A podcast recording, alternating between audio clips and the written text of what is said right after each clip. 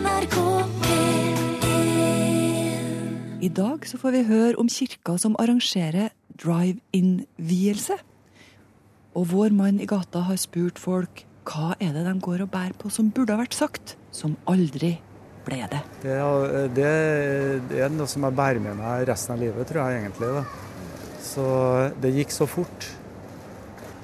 Så jeg ville ha renska opp i det, men jeg fikk aldri anledning til det. Da. Fortellinger fra livet.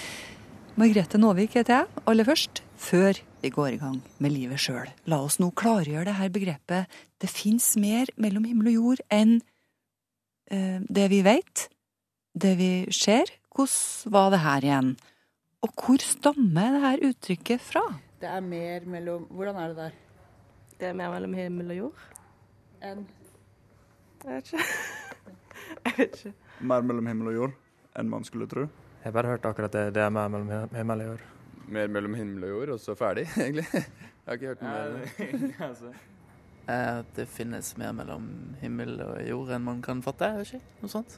Men hvor kommer det uttrykket fra? Hvor har vi det fra? Uh, Jeg tipper det er for, uh, fra religiøse kretser som prøver å forklare ting som uh, eller prøver å rettferdiggjøre meningene sine. Hvem sa det først? Det aner jeg ikke. Ikke peiling.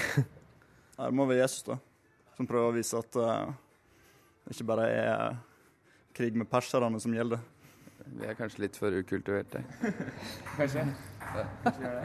Vi henter inn ekspertise, Jeg heter Per Egil Hegge. og vi leiter frem en av de bredeste bøkene i bokhylla. Her. Her. S. Samlede verker. For dette uttrykket stammer fra et meget kjent skuespill av en dikter som døde for 400 år siden. Verden markerer det for tida. Her har vi det. The Tragedy of Hamlet, Prince of Denmark, by William Shakespeare. Denne danske prinsen med død far og ny, ond stefar. Han er gjerne avbilda med hodeskalle, men replikken vi er ute etter, sier Hamlet til en venn. Her har vi det. Hamlet, første akt, scene fem. Der skjer det. Hvis jeg husker riktig, så står det noe sånt som at eh, det finnes mer mellom himmel og jord, Horatio, enn det det er, som er tenkt på i din filosofi. There are more things in heaven and earth, Horatio, than I dreamt of in your philosophy. But come. Eh, altså eh, heller ikke Horatio i, i Hamlet, som er en stor tenker og har status som det, har rukket å tenke overalt, og Hamlet mener at det er, det er også mer. Ja, så sier jo også Hamlet dette til vennen sin umiddelbart etter en lengre samtale med sin døde far. Nå spøkelse. Det som finnes mellom himmel og jord, det eh, overgår det de fleste har tenkt seg eller tenkt på. Eh, og det brukes jo ofte av eh, folk som er tilhengere av ja, litt Altså de som bruker eh, andre, altså alternative metoder, de forsvarer seg ofte eller forsvarer ofte sitt syn med at det finnes mer mellom himmel og jord enn det som er beskrevet i skolemedisinen f.eks. Men det brukes når man tenker, for å bruke en nokså for litt klisjé, man tenker utenfor boksen. Utenfor de oppskrevne eller opptrukne linjer. Men en god del nordmenn sier heller dette. Det er mer mellom himmel og jord enn de fleste andre steder. Og hvorfor gjør vi det? Jo, på grunn av avistegner og humorist Fredrik Stabel, som hadde sin faste spalte Dusteforbundet i Dagbladet fra 1950 til 1990. Her er han. Jeg hadde i hele mitt liv hatt det med å tegne små menn overalt. Når jeg ikke hadde en røyk for hånden. Det var eh, selveste presidenten i Dusteforbundet, Darwin P. Erlandsen, som eh, oppgraderte Hamlet. Mine dustedebatter eh, løp parallelt med de alvorlige som gikk i avisene. Fredrik Stabel, som bestyrte Dusteforbundet, han hadde jo noe av barnets evne til å se ting fra helt, under helt andre synsvinkler enn enn vi A4-mennesker etter hvert utvikler oss til. Shakespeare. William Shakespeare. Han hadde sikkert hatt sansen for eh, Dusteforbundets lån. Det er mulig at han også hadde stjålet det. Han, han var jo ikke fremmed for det, eh, William Shakespeare. Men det får vi bare la henge. et sted mellom himmel og jord. Du hørte pressemann og språkmann Per Egil Hegge og reporter Ragnhild Sleire Øyen. Denne uka her så har folket gått til urnene og sagt hva de mener om det å bli del av et større fellesskap. Altså slå seg sammen med en annen kommune. Og det vi spør om da, det er hva har denne følelsen av tilhørighet å si for folk? Blir det krøll på identiteten når man plutselig blir del av en større kommune? Vi inviterte ei dame som har kikka litt på det her, til et NRK-studio i Steinkjer. Hallo, Steinkjer. Vi i Mellom himmel og jord vi sitter jo i Sør-Trøndelag, og det var litt trøbbel med kontakten med Nord-Trøndelag. Hallo. De to fylkene er tross alt ikke slått sammen ennå. Men vi fikk kontakt til slutt, og jeg spurte Anne Irene hvor er det hun hører til? Ja, jeg sier Når jeg får det spørsmålet, så er det, svarer jeg litt etter hvem jeg snakker med, og hvor jeg er hen i verden. Mm. Så noen ganger så sier jeg at jeg er fra Mære, der jeg faktisk bor. Så kan jeg si at jeg er fra Sparbu, som er bygda mi. Ja. Så kan jeg òg si at jeg er fra Steinkjer, som er kommunen min, som jeg da tror at flere vet av enn en faktisk bygda mi. Og så kan det hende at jeg sier at jeg er fra Nord-Trøndelag. Ja. Hvis at jeg er en, en eller annen plass i landet som er i en veldig sånn klar periferi, eller klar referanse til det. Men Anne Irene, nå kan du ikke si at du er fra Nord-Trøndelag lenger snart. Nå Det- blir det jo Trøndelag. Ja, men jeg kommer bestandig til å si at jeg er fra Nord-Trøndelag, for det, det er det som er identiteten min. Hva er det, må du forklare meg, som er forskjellen på å være nordtrønder og trønder? Ja, Det tror jeg jeg svarer og litt sånn etter hva du spør, men, eh, men min identitet er nå faktisk til Nord-Trøndelag, for den av det jeg har vokst opp med. Eh, Og den kulturen, eh, kulturlandskapet, maten, folket, idretten som jeg er så glad i. Altså det, det, det er plassen min. Det er min tilhørighet. Og den vil bestandig være i Nord-Trøndelag. Anne Irene Myhr er ikke her bare for å snakke om egen identitet, egne erfaringer. Hun jobber altså på distriktssenteret, og i sitt arbeid så har hun sett mye på det her med identitet, lokal tilhørighet. Hva skjer med mennesket når kommunene slår seg sammen? Hun forteller om Indre Fosen, Rissa og Leksvik, som nå skal bli en kommune, da. Og de har satt i gang en bygdestafett som går ut på å legge ut bilder av blomster, folk, næringsliv, fisk, skole, alt som har med livet i den nye kommunen å gjøre. Sånn blir folket i Rissa bedre kjent med dem i Leksvik, og omvendt. Det viser seg generelt at tross motstand, så kan man kanskje bare legge fra seg de her eh, bekymringene om identitet. Ja, all erfaring eh, tilsier tilsier det. Vi har en, eh, et annet eksempel fra Vestfold. for Der var det jo to kommuner, Ramnes og Våle, som slo seg lag til Re kommune i 2002. De bygde faktisk et nytt, etablerte et nytt kommunesenter på, på Revetal, for det var liksom lå lag langs den der hovedferdselsåra. Og, eh, Det var dit eh, de eh, bygde et nytt kjøpesenter, de bygde en annen næringsvirksomhet, og så bygde de et nytt kommunehus. Så har ikke de bestemt seg da hva den nye kommunen skulle hete. Og så tenkte de at det er kjempeviktig å involvere innbyggerne nå til å være med og bygge det nye i lag.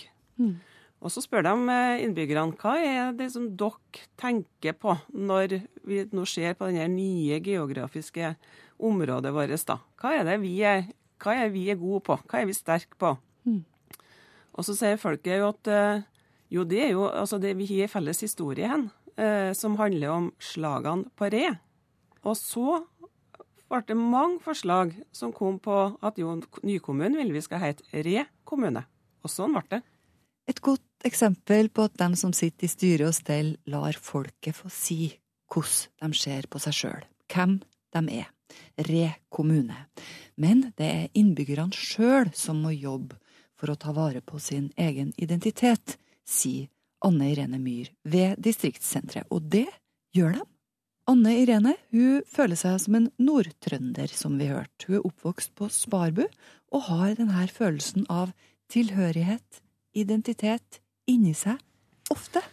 Jeg kjenner jo på det hver eh, dag når jeg kjører ut og inn eller går en tur i det flotte nærområdet som vi, som vi har i Sparbu, med tilrettelagte turområder og en flott fjord og eh, gode naboer og gode venner.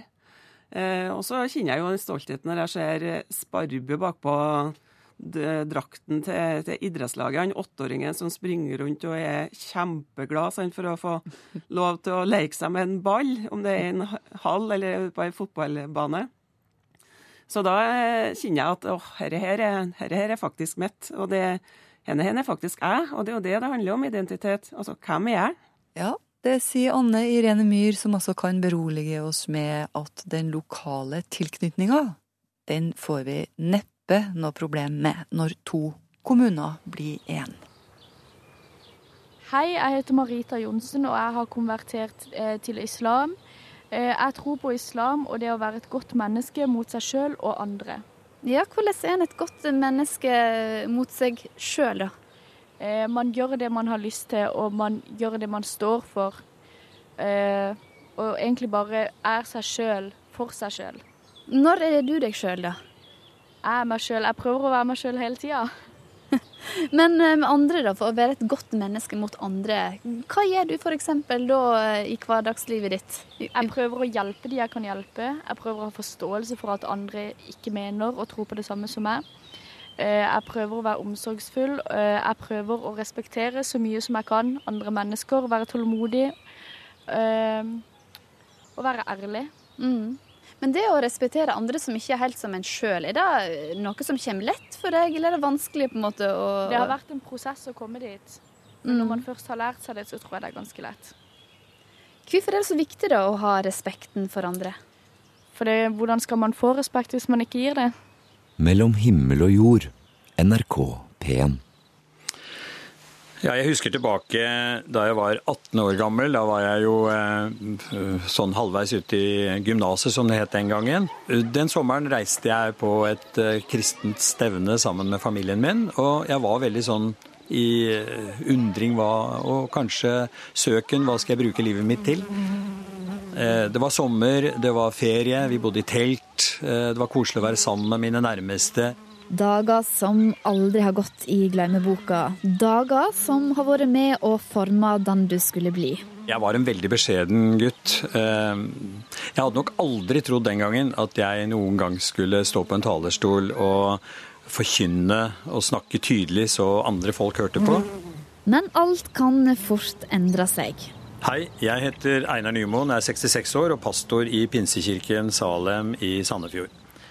Fra å være sjenert til å bli en som tar ordet, en som snakker i store forsamlinger. På sommerleiren så er det voksne og barn, og Einar han er fascinert over alle historiene og talene som han hører. Han er på søken etter svar. En kveld så opplever han noe som har satt spor etter seg. En av de kveldene så gikk jeg til en forbønn ja, Vi var i et, en stor hall, og i, ved siden av denne hallen så var det et bønnetelt. og Der var jeg den natta sammen med mange andre. Og noen ba for meg, hadde omsorg for meg, og vi samtalte sammen. Jeg var på mange måter veldig beskjeden, veldig, veldig forknytt. Men det var en, en kjærlighetens atmosfære. Og den kvelden, som etter hvert ble natt, så opplevde jeg et nærvær som pinsevenner gjerne kaller dåpen i Hellig ånd, dåpen i Den hellige ånd. Hvordan skal jeg beskrive det? En fylde, en glede. Det blir nesten like vanskelig å beskrive det som å beskrive forelskelse. Hvor sitter den? Hva er det? Hvordan fornemmer man det? Man må jo ha opplevd det for å vite hva det er. I Det nye testamentet så kan vi òg lese om Den hellige ånd. Om hvordan disiplene etter Jesus død fikk en gnist, en rus, et pågangsmot til å forkynne det kristne budskapet til verden. Hvordan forklarer Einar det han opplevde? Jeg tror jeg fikk et, et Jesusmøte. Jeg tror jeg fikk oppleve at det jeg tror på kan jeg stole på. Det jeg har trodd på siden jeg var barn, det kan jeg stole på. Det ble min personlige del på en måte. Og jeg tror jeg fikk et kall til å formidle budskapet, som jo jeg på mange måter protesterte mot, fordi jeg følte meg ikke i stand til det. Jeg følte meg ikke frimodig til det. Men det satte på en måte i gang. Og jeg relaterte da også senere, når jeg leste Bibelen, til eh, det samme som skjedde med de første disiplene. De skye, eh, beskjedne, redde, fryktsomme disiplene kunne jeg veldig lett kjenne meg igjen i. Men jeg så etter hvert, gradvis, at jeg fikk frimodighet til å bruke de gavene som var lagt ned i meg. Og, og, um, og det har jo blitt min, min, mitt livskall, da. Så jeg, eh, det var det som skjedde, tenker jeg, når jeg tenker tilbake på den natten. Mm. Men noen kan jo òg f.eks. si at eh, du hadde et så sterkt ønske om å oppleve noe at eh, du til slutt bare innbilte deg at du gjorde det. Altså, hvordan svarer du folk som mener noe sånn? Ja, det får folk eh, mene, og den skepsisen vil jo finne der. Eh, det ligger jo et grunnleggende, en grunnleggende tro på Gud. Eh, tro på evangeliet. Så det fins mennesker som vil bortforklare både Guds eksistens og, og at Jesus er Guds sønn, og at evangeliet er troverdig. Og så vil jo vi måtte tåle at de opplevelsene vi har, Eh, og som jeg da har forsøkt å beskrive, at den er bare menneskeskapt. Mm. For meg så, som tror på Gud, som tror på evangeliet, som tror at dette er sant, så ble dette for meg en viktig del av, av eh, en viktig opplevelse som er en del av mitt erfaringsliv med, som kristen. Mm. Men du prøvde ikke å finne noen annen forklaring på det? Søkte du en annen forklaring på det du opplevde? Ja, det gjorde jeg. I tiden kort etterpå dette så tenkte jeg at dette var bare noe jeg eh, innbilte meg. Ehm, for jeg er en skeptiker. Eh, jeg tror faktisk ikke jeg er veldig lettlurt. Jeg tror jeg er ganske skeptisk og tenkende og vurderende av natur. Ehm, det var veldig rart for meg. Kort tid etterpå så satt jeg og bladde i Bibelen og sier hvor kan jeg relatere dette til? Når på en måte følelsene la seg. Og så så satt jeg og bladde i Bibelen min, og helt eh, plutselig så falt øynene mine på et bibelvers som står i et av Paulusbrevene. Eh, det åttende kapittelet i Romerbrevet, det 26. verset. Der kan jo en som har lyst til å lese, åpne og se. Der står det et underlig vers om Ånden. Og der står det at Ånden kommer vår svakhet til hjelp. For vi vet ikke hvordan vi skal be slik som vi trenger det, men ånden eh, går i forbønn for oss med sukk som ikke kan sies i ord. Eh, omtrent sånn står det. Og så tenkte jeg men det var dette jeg opplevde. Det var dette jeg eh, fornemmet. Altså det har en forbindelse med den kristne undervisningen. Og det ga meg en ro at det jeg hadde opplevd, hadde sin forankring i bibelordet. Etter gymnas og noen år som bankkasserer, så avslutta Einar det han driver med, og han begynner å forkynne evangeliet. Einar han blir en kjent pastor i forskjellige pinsemenigheter. En ny sommer står snart for tur. Det er lenge siden Einar, som sjenert 18-åring, gikk rundt på den kristne sommerleiren. Han har i alle år fundert over det han opplevde på denne sommerleiren. Jo, jeg, For meg var det en veldig viktig opplevelse.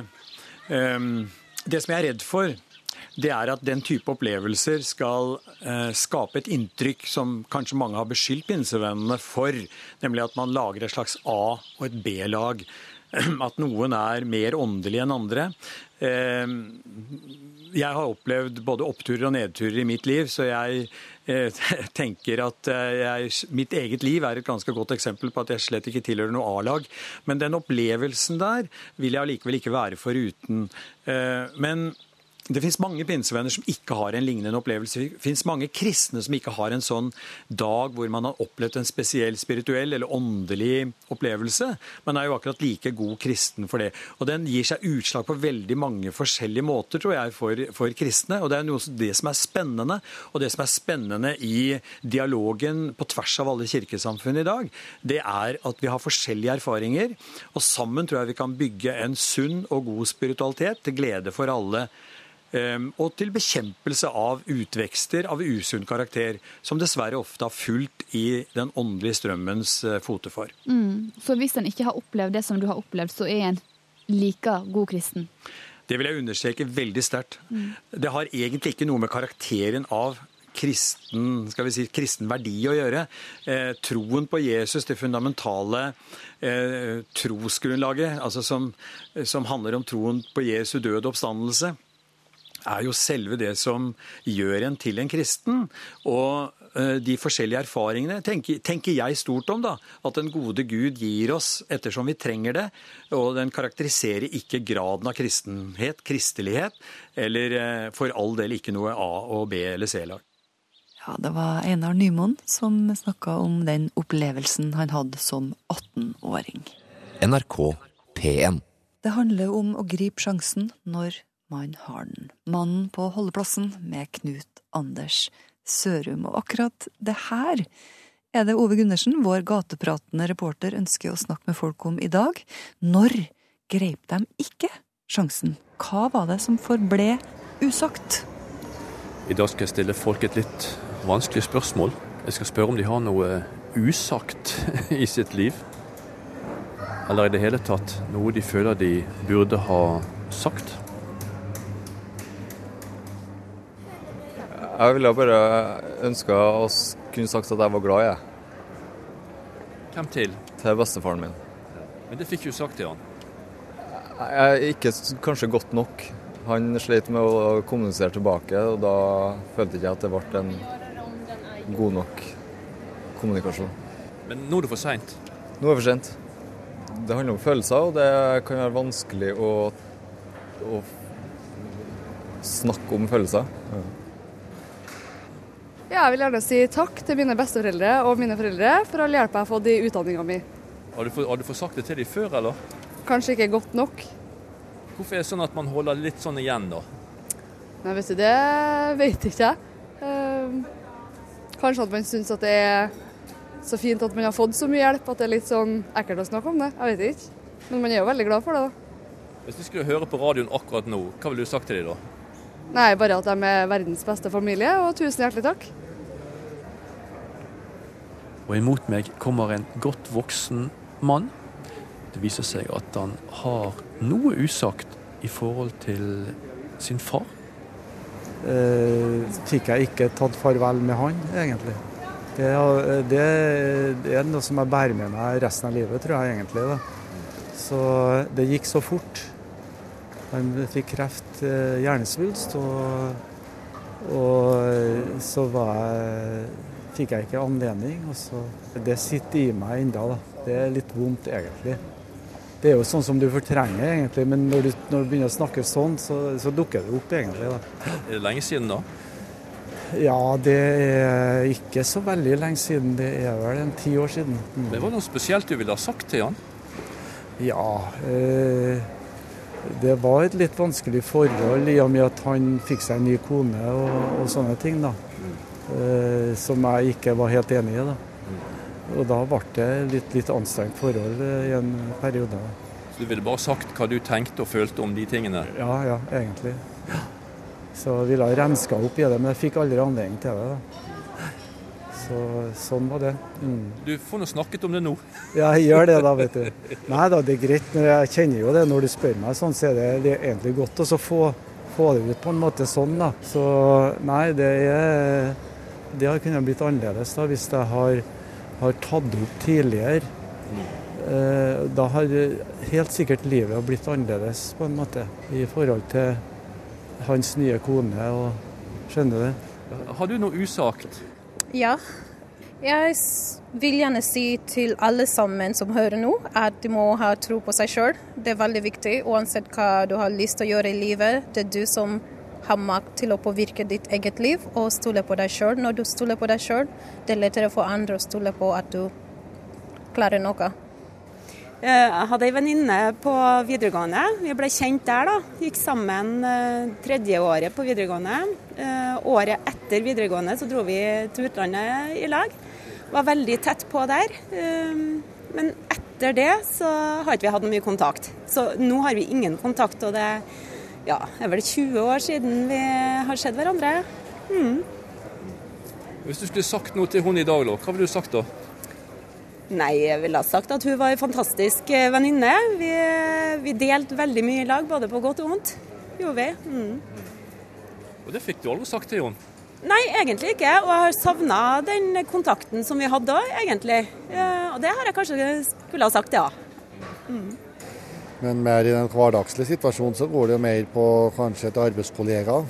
Der at du kanskje går og gjør deg opp meninger om hvordan du tror de tenker. Og i stedet for å snakke med dem, da, så går det å tenke og ikke si ting. Da tror jeg det er en fordel å kunne kommunisert på en bedre måte. da, Så hadde du fått lagt bort en del spekulasjoner og kanskje en del tunge ting på jobb. da. Er du flink til det sjøl? Nei, jeg er ikke flink nok, men jeg er mellomleder da, på jobben, da, så jeg prøver kanskje å ha litt fokus på det. da.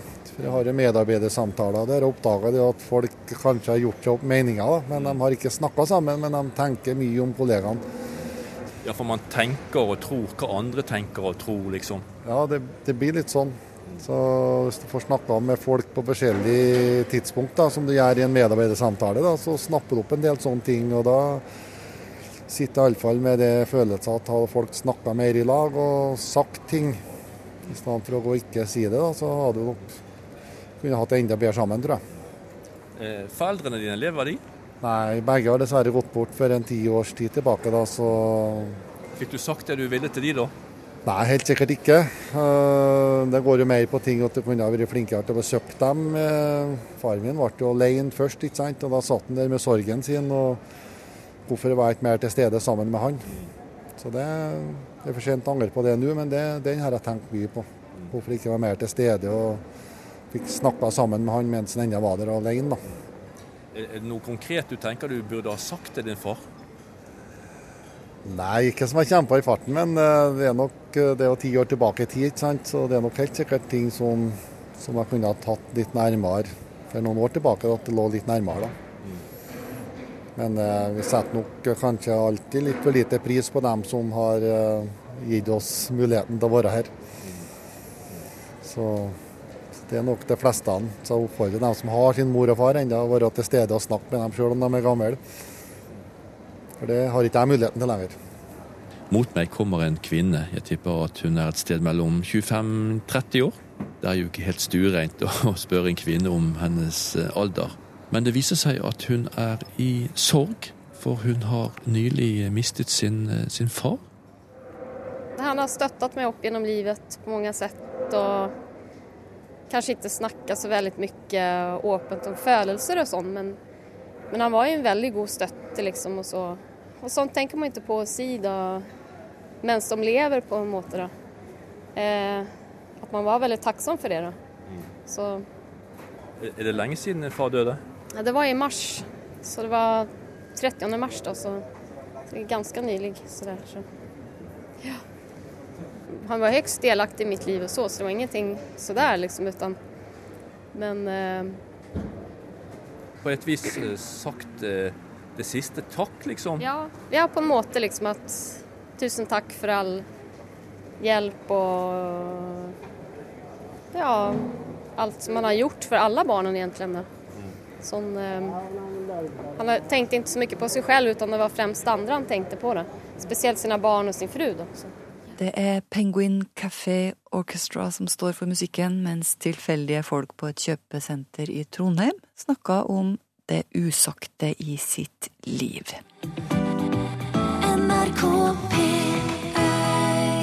Det her er altså Mellom himmel og jord i NRK P1. Margrethe Nåvik heter jeg. I går, hvis alt gikk etter planen, så var det over 20 par som gifta seg på løpende bånd i Lademoen kirke i Trondheim. Drive-in-vielse kaller de det, og hver seremoni er unnagjort på et kvarters tid. Når vi møtes, er det fremdeles et par dager til den store bryllupsdagen. Men vi er knapt innenfor døra i steinkirka fra 1905 Jeg kan bare ta med ringknappen. Ja, ja. før det er noen gifteklare på telefonen til sogneprest Stein Ja, Ellingård men da, da ses vi på igjen. Ha det, ha det. Var det noen som skulle gifte seg? Ja, det vet du det. Her går det unna. det kommer folk fra ja, eh, Ålesund og uh, nede fra Lillehammer, tror jeg det var, og ja, litt nordfra og ja. Det kommer fra hele landet. Det blir ikke noe langsom skriding ned og opp kirkegulvet her. Ikke orgelbrus. Ikke selvvalgte salmer og en fetter som er kjempeflink på fiolin. Det blir ingen lang, personlig tale fra presten. Vi pynter kirka her med blomster og lys og sånn, og så har vi en, nede i kirka her så har vi en del sånn en slags kafeteria her. Så når folk kommer inn her, så blir de på en måte tatt imot av en del av stab og menighet herifra. da. Uh, og så blir de registrert, og så blir papirene deres ordna. Og så har vi to steder her i kirka. Vi har et kapell, Johanskapellet, og så har vi hovedalteret. Så det blir vielser fra begge disse to plassene. da. Samtidig? Samtidig, ja. Det er fire prester som kommer til å være her og, eh, og jobbe denne dagen. Ja. Eh, men ellers så gjennomfører vi jo vigselsritualet sånn som det står i boka, da. Så de kneler? De kneler, og de svarer ja. Begge to. Så, og de overrekker hverandre ringer. Og, men vi har jo ikke noe sånn dyp, inngående samtale og, så mye om, om deres livshistorie. Men en sånn ja, 10 minutter, 10-15 minutter samtale eller møte med dem har vi nok. Det er litt av konseptet dette her, at det skal være enkelt. Det er et lavterskelprosjekt. Enkelt. Det var det perfekte stikkord for Eva Karin og Jon Arve fra Verdal i Nord-Trøndelag.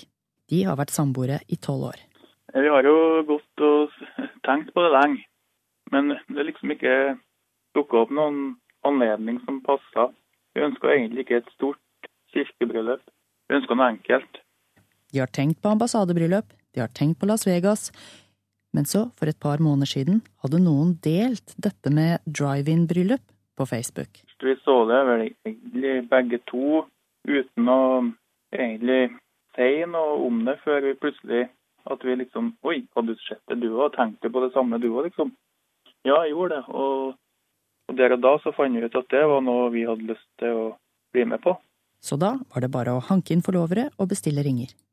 Men hva, hva syns du om at uh, inne i kirka så er det bare 15 minutter som er helt deres? Det syns vi passer veldig godt for oss. Man kan uh, på et vis uh, få med seg kirka og den biten uten at det blir så veldig stort med masse, masse folk. Det passer perfekt. Det blir litt vel mye med alt det der store som vanligvis er, da. Nå går vi inn i, i Johanneskapellet, som er et sidekapell her i Lademoen. Og her har vi flott alter. Plass til en ja, 25, kanskje. Her får jo folk eh, en veldig sånn nær og personlig vielse. Vi lukker jo dørene her, så her kan folk eh, få lov å være sammen med familien sin. Så. Ja, så her får de være alene sitt ja, kvarter. Ja, her får de være alene sitt kvarter, ja. De gjør det også. Lademoen kirke har tidligere hatt drop-in-dåp, eller åpen dåpsdag, tre ganger med stor suksess. Derfor ville de prøve en slik vielsedag også. Mange føler at det er sånn press på at det skal være så fint og flott, og så, og så blir det så, så, dyrt og så svært det hele at, at det blir nesten uoverkommelig prosjekt. Så man utsetter kanskje hele greia. Så da tenkte jeg at ja, hva om vi snur helt opp ned på alt, og så sier vi at jo, nå har, nå har vi en dag, nå har vi en dato her. Og det koster ingenting. Det er helt gratis. Og det ser ut som at det har på en måte løst problemet for en del som har utsatt og utsatt det hele. Så nå har endelig de fått en sjanse. Men jeg, men, men, men jeg syns den koblinga mellom økonomi og disse kirkelige handlingene er, blir et problem etter hvert, altså, som, som, jeg tror kanskje gjør at en del kvier seg for å, for å bruke det som vi i kirka egentlig syns er veldig flott, og som, ja, som egentlig i utgangspunktet burde ha vært gratis. Ikke koste noe som helst. Vi, vi, vil, vi vil, gi det til folk og mennesker. Um, så, så, så, syns, har vi jo fortsatt tro på at at å gi hverandre et slikt løfte og, og, og sånn å bli bedt for eh, i ei kirke, det, er, det, gir mening, og folk opplever det som, en, som noe fint og en støtte i samlivet sitt. Og så ble altså hurtigvielsen så populær at presten måtte ut i avisa og si at nå er det fullt. Og Eva Karin og Jon Arve, som hadde tenkt at drive-in-vielse virkelig betydde at det bare var å komme kjørende, Og alt hadde bryllupsdatoen inngravert i ringene. Da ble det kjempesjokk da når det sto at uh, de som ikke hadde kontakta pressen nå, måtte vente til høsten. Fordi at vi hadde ordna ringer, hotell, restaurant og alt. Da ble det ganske hektisk eh, kontakt med kirka og høre om vi fikk komme inn. Da. Og det gjorde vi heldigvis. Enkelte synes at drive-in-vielse blir for enkelt. Uten den lange forhåndssamtalen med presten, f.eks. Men jeg ser det at det, det, kan oppfattes som at det blir for, eh, for lettvint. Ja. Mm, hva sier du da? Nei, altså jeg, jeg, jeg, jeg er jo glad for at folk kommer til kirka og har lyst til å, å, gi hverandre dette løftet. Og jeg sier jo at liturgien i seg sjøl forteller jo også så mye om eh, innholdet i et ekteskap at uh, det er ikke sikkert at vi trenger å forklare alt uh, akkurat i denne settingen, altså. Og er det drive-in-bryllup, så er det drive-in-bryllup. Vi har leid oss limousin. Vi har jo leka med tanken om bryllupet i Las Vegas. Derfor så blir det litt Las Vegas over det med litt bling-bling uh, og limousin. Så vi har kjørerute der vi skal rundt og se oss rundt i Trondheim, da. The Dixie Cups tok oss med fra Lademoen kirke og over i Chapel of Love. Og før det så hørte vi altså om drive-in-vielser. Og nå er det sånn at så mange har meldt seg at Lademoen kirke i Trondheim allerede har planlagt en ny dag med hurtigvielser i august. Reporter her var Ragnhild Sleire Øyen. Panelet. Jeg er Per Prest, heter offisielt Per Kvalvåg. Og jeg har en svær, gammel, blå Mercedes, sånn Derrick-bil. Og to eldgamle motorsykler, den eldste fra krigen. Og en trompet. Og en trompet! Ja, jeg heter Morten Fastvold, er filosof og humanetiker. Bil har jeg aldri hatt. Eh, derimot sykler, eh, noen av dem, og alltid litt sånn eh, ustjelbare. Jeg spilte trompet i min ungdom, nå har jeg et flygel i stuen som jeg spiller litt på til husbruk, da. Ja, mitt navn er Mina Adampour, og jeg er lege av yrke og er muslim. Jeg vokste opp på snaue 80 kvadrat med mor, far og fem søsken. Og har et spillrom med biljard og flipper som lager mye lyd. Ordet i dag er Sommerkroppen 2016. Jeg diskuterte dette her med min prestekollega i Selbu. Og hun sa, hun sa det at Ja, se det på den måten her. Ok, Én, du har en kropp. To, det er sommer. Voilà, der har du sommerkroppen 2016. Og det er klart, det er jo lett for hun å si det, da, som er 25 år og sånn forholdsvis optisk behagelig fremtoning. Da. ja, men altså, det er et begrep da, De som er skikkelig kjent med begrepet, de sier SK16. Sier de det? Ja, de ja hashtag. Ah, ja. hashtag. Dette, dette har, jeg vært lykkelig uvitende om, altså. men, det, men det er jo et slags en slags forberedelse til sommeren det handler om. da, At du mm. trener og spiser sunt og mm. litt sånn asketisk for å gå sommeren i møte med en eh, kropp som kan ta seg ut. Eh, ja. Det er jo et ganske nytt ord. Ja. Er det bare et nytt ord, eller er det noe som har endra seg? Jeg tenker at det handler litt om å vise seg, og at det er i takt med dagens litt sånn selvfremmende og selvorienterte samfunn. Det er jo naturlig at på sommeren har vi mindre klær på oss enn om vinteren. da. Og dermed så vil kroppen uvegelig fremtre mer. Ja. Eh, om vinteren så kan vi jo hylle oss inn i store eh, gensere og anorakker og alt mulig, ikke sant. Men eh, enten vi vil eller ikke, så stiller vi mer av kroppen vår til skue om sommeren. Mm. Det er ikke til å komme fra. Det var en venninne som sa at uh, hun, hun, hun, griller seg alltid karamellbrun hver vår. Ja, hun sa ja. at brunt fett er penere enn hvitt fett. Nei. det er jo noe med at det, det har jo også vært sånn til enhver tid, da. At man kanskje også for å takle varme eller takle de årstidsskiftene har mindre klær og mer klær på seg til andre tider. Men det fokuset har jo ikke vært der. Nei, like du stor mener grad. det? At det har blitt sterkere? Ja, det, Ja, det er det er jeg ganske sikker på. Men vi forbinder vel sommeren mer med sensualitet enn enn vinteren, ikke sant? Altså, Sommeren er, skal liksom være en mer sensuell tid. Ja, men så er det sånn at den sommerkroppen er liksom litt sånn snever, da. Det er liksom magemuskler på guttene, gjerne seks eller åtte kuler. Mm.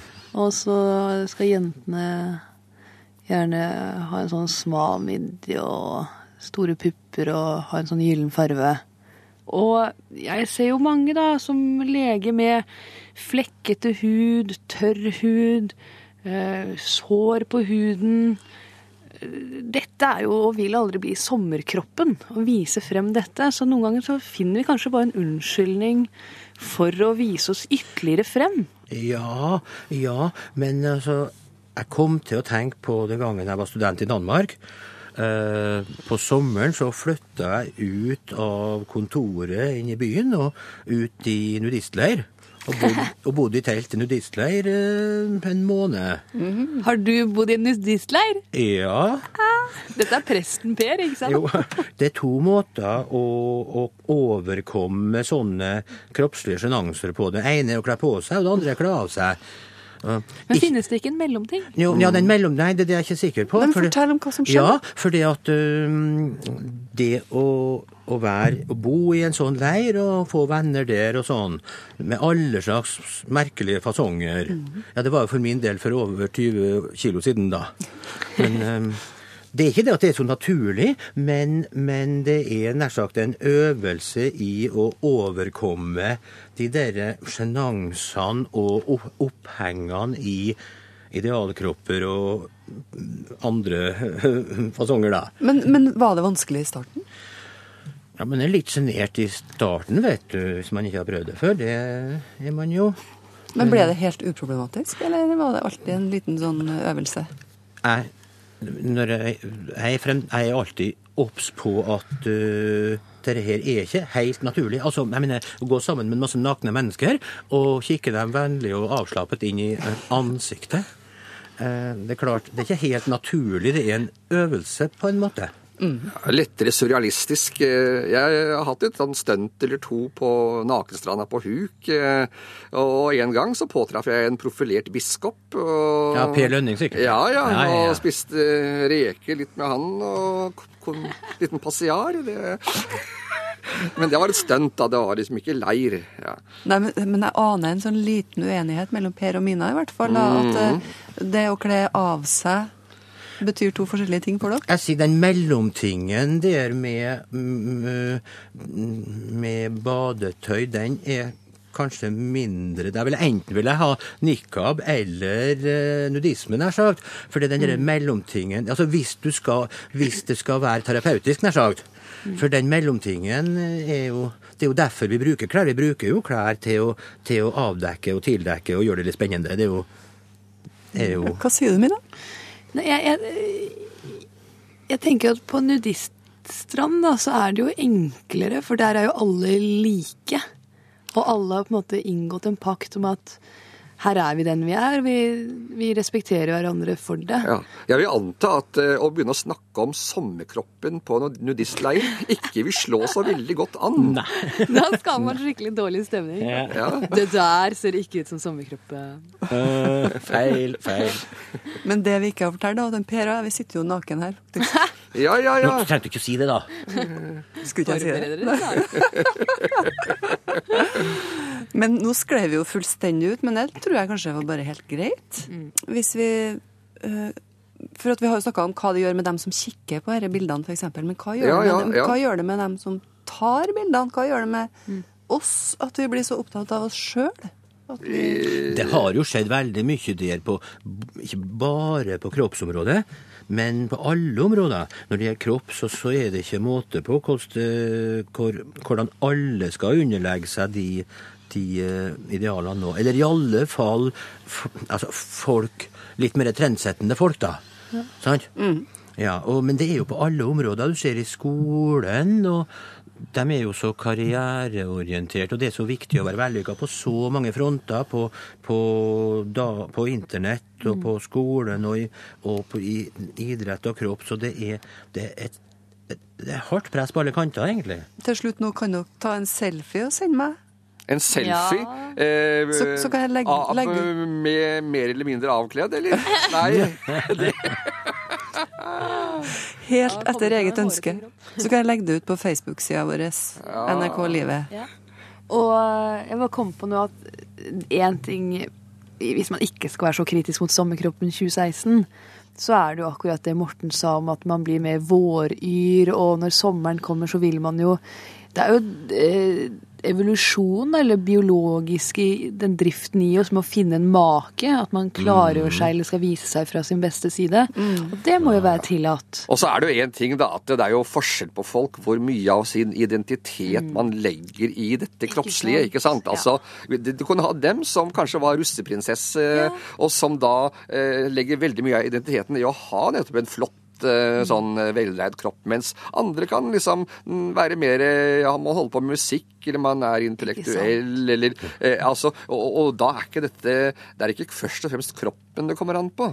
Eh, så da er det kanskje dette mer med godt nok, altså sånn, for man vil jo ikke fremstå som et vrak, at man ikke har kontroll. Eh, kontroll er nok viktig, men, men, men liksom eh, altså, tross alt eh, i hvert eh, Jeg er heldigvis eh, skjært klar av å liksom skulle legge veldig mye av mitt selvbilde i hvordan jeg kroppslig ser ut. altså. Det, Ja. Heldig med den. Heldig med den. En må melde seg ut av noen sånne race, ja. Ja. Og da er vi tilbake til den sommerkroppen som du snakka om i starten, Per. Du har en kropp. sommer. Det er sommer. Voilà, sommerkroppen 2016. Og hvis du lurer på hvem som satt eh, i panelet og snakka om eh, sommerkropp og nakenhet og sånt, det var Mina Adampour, Per Kvalvåg og Morten Fastvold. Jørn Hoel avslutta dagens forestilling så passende med Next Time I See You. Det blir jo om ei uke, det, da. I mellomtida så kan du jo sende oss ris og ros, tips og triks på vår e-postadresse, for eksempel. Himmel og jord, krøllalfa, nrk.no. Du finner oss også på Facebook. Der heter vi NRK Livet. Margrethe Nåvik heter jeg. Ha en riktig god søndag. Hør flere podkaster på nrk.no podkast.